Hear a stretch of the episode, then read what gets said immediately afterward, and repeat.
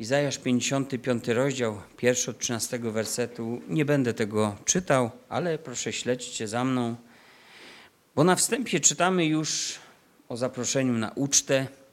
Widzimy, że nie trzeba być jakąś szczególnie ważną, prominentną osobą, aby skorzystać z tej wieczerzy. No i wiemy dlaczego. Z perspektywy służby i życia Jezusa Chrystusa, my wiemy dlaczego. On pewnego razu opowiedział przypowieść o Wielkiej Wieczerzy i zwrócił tam uwagę, że gospodarz zaprosił najpierw nieprzypadkowe postacie. To były osoby, które znał, a one znały Jego, lecz ci, dla których ta wieczerza była przeznaczona, oni się wymówili i nie przyszli. Dlatego nakazał sługom, aby poszli pomiędzy opłotki na rozdroża, by tam przymuszali kogokolwiek spotkają. To jest w pewien sposób też obraz Ewangelii, która dotarła do nas. I też obraz tego, że Żydzi, ten naród wybrany, ten naród, jak tu czytamy, no, książęta, taki naród szczególny, taki e, naród, który był świadkiem dla innych narodów, księciem, rozkazodawcą ludów, tak mówi czwarty werset. Ten naród zawiódł, odrzucił Chrystusa i ta Ewangelia doszła wszystkich, wszystkich. W Bożych oczach wszyscy okazali się wartościowi, cenni, aby po prostu zjawić się na tej wielkiej uczcie. No ale słysząc o czymś tak podniosłym jak uczta, każdy człowiek zastanowi, gdzie jest haczyk. Pamiętacie, gdy rozdawaliśmy Nowe Testamenty, kalendarze, e, książki ewangelizacyjne, traktaty, to, to nie jeden z Was mówił, że ludzie byli zaskoczeni tym, że to jest za darmo. I brali za darmo. Ale jak za darmo? No, gdzie jest haczyk? E, taka konsternacja czasem mogła być. I ta uczta również za darmo.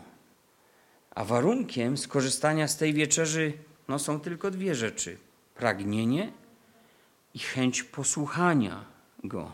Nakłoncie swojego ucha, pójdźcie do mnie, słuchajcie.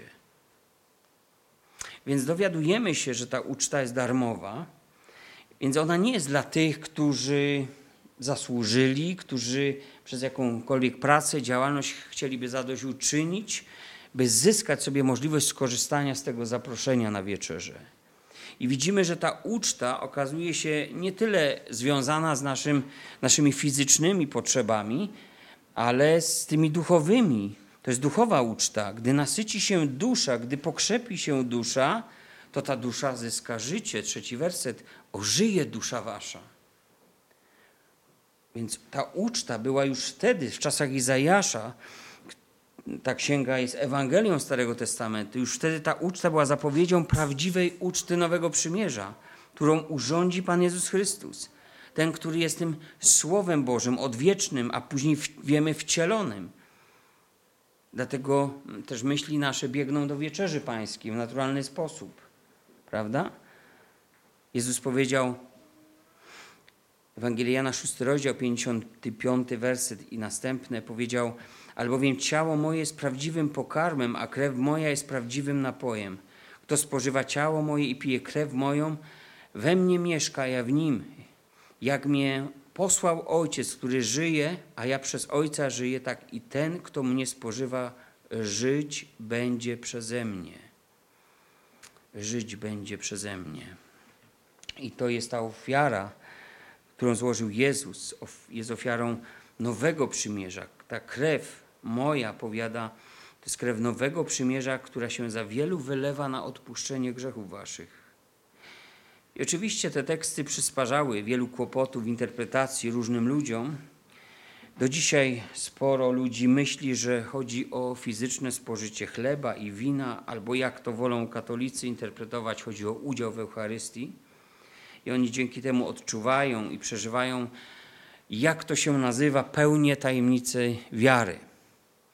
No ale czyżby Jezus mówił tutaj o i Izajasz w dodatku o nieistniejących obrzędach? Czyżby mówił o fizycznym spożyciu? Ci, którzy go słuchali, odebrali to dosłownie, kiedy Jezus mówił i myśleli, że on swoim wyznawcom chce dać siebie fizycznie, swoje ciało do jedzenia. byli zgorszeni. Jezus nie mówił jednak tutaj ani o fizycznym pokarmie, ani o fizycznym napoju, ani żadnym tego fizycznym zamienniku, tak jak nie mówił o swym fizycznym ciele. Sam zresztą na koniec zwrócił uwagę słuchaczom i powiada: Ciało nic nie pomaga, ale duch ożywia. A więc nie dosłownie, ale spójrz na to w sposób duchowy.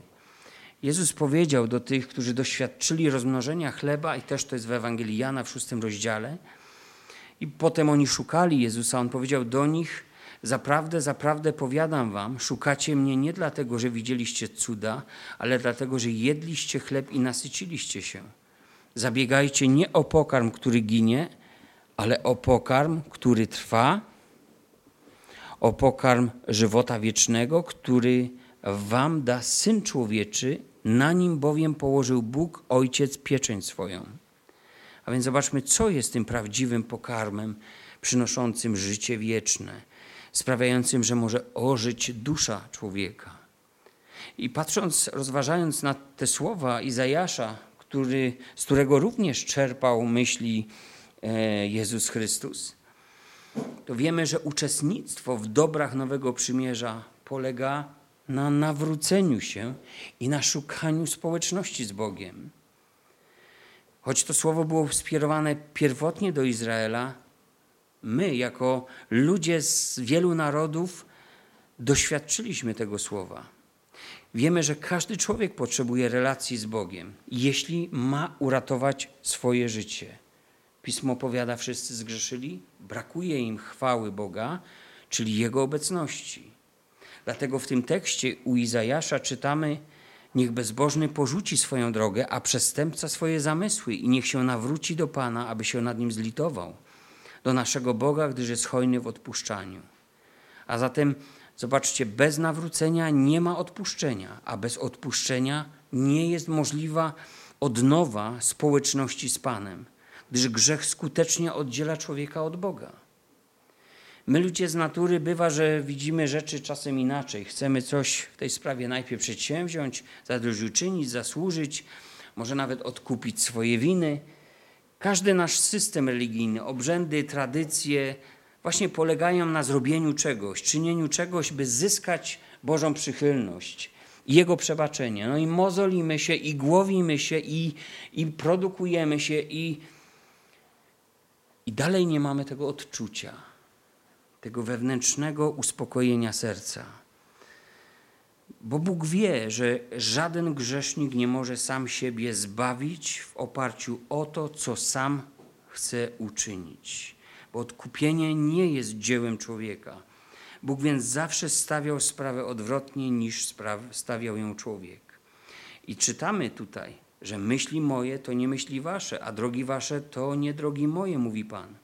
Więc ten Pomysły nasze są stąd, z relacji międzyludzkich. A jego myśli są wyższe, bo pochodzą stamtąd, z nieba. Więc to niebo przychodzi do człowieka, gdyż człowiek nie może dotrzeć do nieba. Na tym polega różnica. Jeśli odstępstwo od Boga oznaczało, jak powiada prorok Jeremiasz, odwrócenie się do Boga plecami, a konsekwencją było oddalenie się i odejście od Niego, to czym jest nawrócenie? Nawrócenie w takim hebrajskim zrozumieniu było czymś dokładnie przeciwnym i oznaczało odwrócenie się z powrotem, czyli twarzą do Boga, a konsekwencją tego była bliskość i powrót do Niego. Jeremiasz, drugi rozdział, 27 werset. Gdyż obrócili się do mnie plecami, a nie twarzą, a w czasie swojej niedoli mówią powstań i wybaw nas. To takie polskie, nie? Jak trwoga to do Boga. Zachariasz, siódmy rozdział, jedenasty werset. Lecz oni nie chcieli usłuchać, odwrócili się do mnie plecami i zatkali uszy, aby nie słyszeć. Wiecie, trzeba by zatem sobie tak postawić pytanie, gdzie jest Bóg w moim życiu?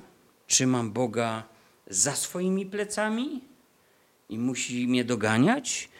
Czy jak mówi psalmista, mam zawsze Pana przed sobą, gdy On jest po prawicy mojej, nie zachwieje się. Psalm 16, werset 8. No więc Bóg wzywał ustami proroków Izraela Jeremiasz powiada, jeżeli chcesz zawrócić Izraelu, mówi Pan, to zawróć do mnie.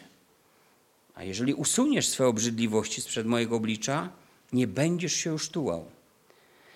Więc pomyślmy, patrząc jeszcze raz na ten tekst 55 rozdziału Księgi Izajasza, czy mamy pragnienie, by wziąć udział w uczcie? Czy więc zechcemy posłuchać? Jeżeli zechcesz zawrócić, Bóg mówi, jeżeli zechcesz nawrócić się do mnie, znajdziesz mnie. Przestaniesz się tułać. Zakończy się życie, takie życie bez wiecznego celu, sensu. I tutaj otwiera się przed nami w tym tekście sedno tego proroczego zaproszenia. Mianowicie to szukanie Pana praktycznie polega na poddaniu się wpływowi Słowa Bożego, gdyż ono nie traci swojej skuteczności, nigdy nie wraca do Boga pusty, tak czytaliśmy. A tekst przekładu Biblii Tysiąclecia powiada bezowocne, ono nie wraca bezowocne. Oba tłumaczenia poprawne, gdyż tekst hebrajski tam jest jedno słowo, które zarówno oznacza brak efektu, nieskuteczność, jak również przyjść w tym wypadku do Boga z pustymi rękami, bez owocu plonu. I te owoce działania Słowa Bożego prorok ukazuje dalej, posługując się obrazem przemiany cierni i pokrzyw. Bo głuk to cierń i pokrzywy.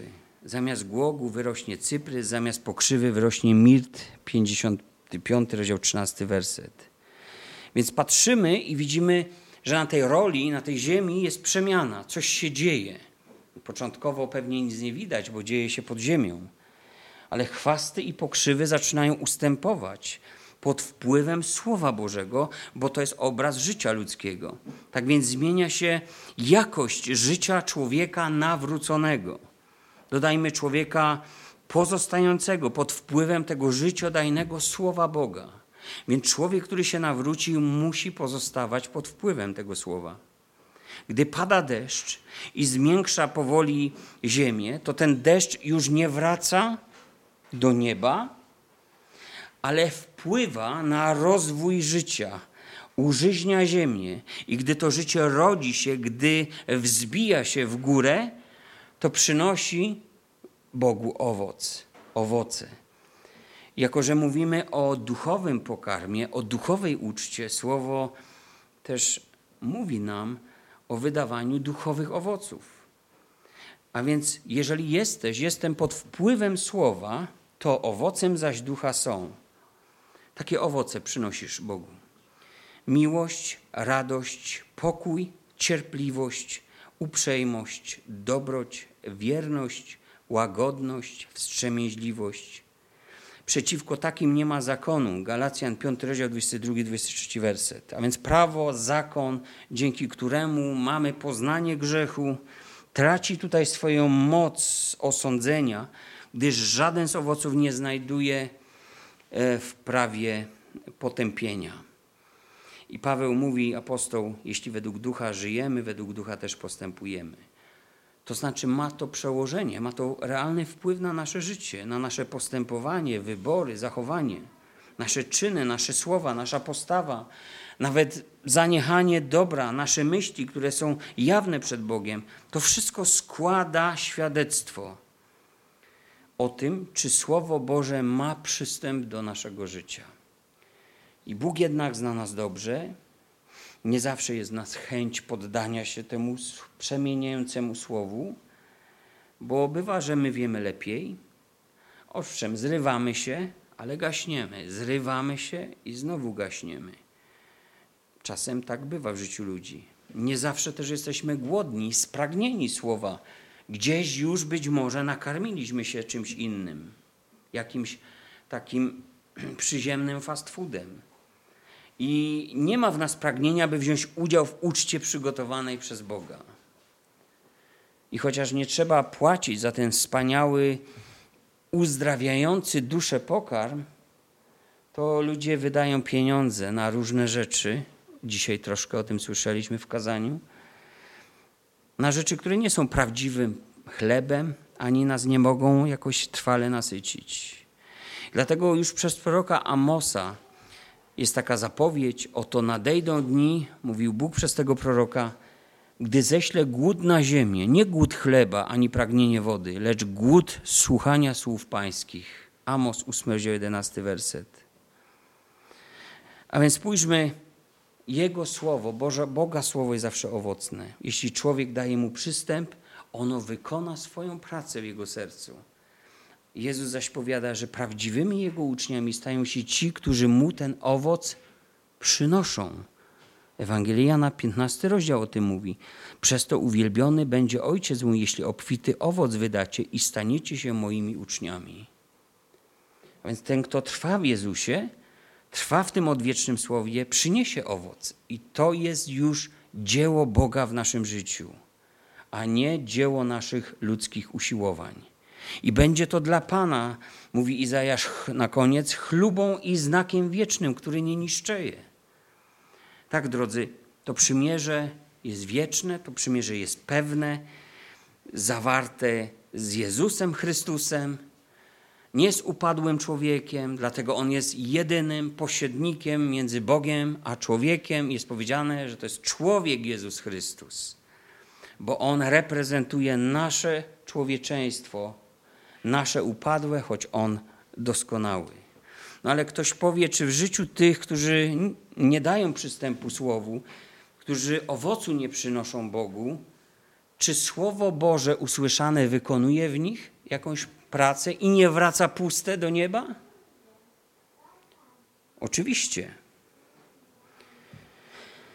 A jeśli by kto słuchał słów moich, a nie przestrzegał ich, ja go nie sądzę, nie przyszedłem bowiem sądzić świata, ale świat zbawić. Kto mną gardzi i nie przyjmuje słów moich, ma swojego sędziego. Słowo, które głosiłem, sądzić go będzie w dniu ostatecznym. Ewangelia Jana, 12 rozdział, 47, 48 werset. A więc zobaczcie, słowo zawsze jest prawdą. Słowo, które wychodzi z ust Boga, nie wraca się do Niego, zanim wpierw nie wykona tego, z czym zostało posłane.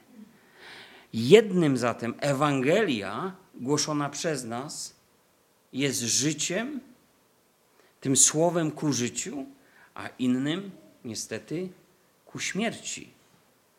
Tak jak to napisał apostoł Paweł, innymi słowy mówiąc, myśmy wonnością Chrystusową dla Boga wśród tych, którzy są zbawieni i tych, którzy są potępieni. Dla jednych jest to woń śmierci ku śmierci, dla drugich woń życia ku życiu. 2 Koryntian 2, 15, 16. Bóg jednak nie chce śmierci grzesznika, prawda? Chce, aby każdy przyszedł do poznania prawdy, do zbawienia. I on żywi ciągłą nadzieję, że człowiek nie odrzuci tak niesamowitej oferty za darmo, dla nas, choć ktoś zapłacił i to niemałą cenę. My nie zasługiwaliśmy na to dobro, a jednak oferta przyszła do nas. Nie jesteśmy prominentnymi ludźmi ani szczególnie ważnymi, a jednak Bóg zlitował się nad nami i wysłał swoje słowo, swoje sługi ze swoim słowem między opłotki, czyli na rozdroża ludzkiego życia i Bóg poświadczył swoje słowo niezłomnymi dowodami łaski. To jest to, te obietnice Nowego Przymierza. Daleko są mocniejsze niż te Starego Przymierza. W żaden sposób nie są zależne od nas. I On chce mieć z nami społeczność opartą o to przymierze. No bo wszyscy, jak tu jesteśmy, przecież zgrzeszyliśmy, wszystkim brakowało nam Bożej obecności. Wszyscy jak owce zbłądziliśmy, jak mówi Izajasz, każdy na własną drogę zboczył, a Pan jego dotknął karą za winę nas wszystkich. Nikt z nas nie miał społeczności z Bogiem z powodu grzechu, lecz kiedy byliśmy jeszcze grzesznikami, Bóg dał dowód swej miłości do nas, oddając za nas swego umiłowanego Syna, którego wykupił, a umarł za nas, aby, abyśmy już nie żyli dla siebie, ale za tego, który za nas umarł. Tak powiedział apostoł Paweł. A więc chcielibyśmy poddawać swoje życie Słowu Bożemu i pytanie, czy mamy to pragnienie, czy mamy ten głód, czy mamy te chęci. Czasem trzeba odciąć ten, ten fast food od swojego życia jeżeli chcemy mieć pragnienia, a nie tylko poczucie obowiązku. Jest wielu ludzi, którzy robi to z poczucia obowiązku, bo wie, że trzeba. Ja też lekarstwo biorę, bo trzeba, bo lekarz kazał, bo umrę bez lekarstwa. Bywają mi takie choroby. Ale wyobraź sobie sytuację, że pragniesz, że ci tego brakuje, że ciągnie cię do tego, że tęsknisz, no masz pracę, masz obowiązki, ale już myślami uciekasz do chwili, usiądę, otworzę, przeczytam. Nie masz tak? To może mniej fast foodu. Chrystus jest pokarmem naszym, a Jego pokarmem było czynić wolę Ojca, który jest w niebie. I to jest wolą Pana, abyśmy wydawali owoce słowa, uczestniczyli też w sprawowaniu tej wieczerzy, aż przyjdzie. Aż przyjdzie, bo, bo przyjdzie. A kiedy przyjdzie, zabierze nas, a kiedy zabierze nas, Biblia mówi, on sam to powiedział, że będzie posługiwał, będzie razem z nami i będzie uczestniczył w tej wieczerzy, będzie jadł chleb i znowu pił z kielicha wino. I my powinniśmy się pocieszać tymi obietnicami Jego przyjścia. Powinniśmy widzieć, jak niesamowite jest to, co się wydarzyło, o czym już napisał Izajasz, a wypełnienie tego znalazło się w Chrystusie Jezusie. Zatem, drodzy nawróceni bracia i siostry, szukajcie Pana, dopóki można Go znaleźć. Wzywajcie Go, dopóki jest blisko. Niech to będzie też wyzwanie dla nas i nie traktujmy tego wyzwania tylko dla ludzi, którzy jeszcze mu życia nie oddali, którzy Boga nie znaleźli w swoim życiu. To jest wyzwanie też dla nawróconych, aby dalej szukali w swoim życiu Pana, a On daje się znaleźć i błogosławi nasze życie. I z radością wyjdziecie i w pokoju zostaniecie przyprowadzeni tak mówi Izajasz. I to jest chlubą dla Pana, znakiem wiecznym, który nie niszczeje. Niech Bóg pobłogosławi swoje słowo.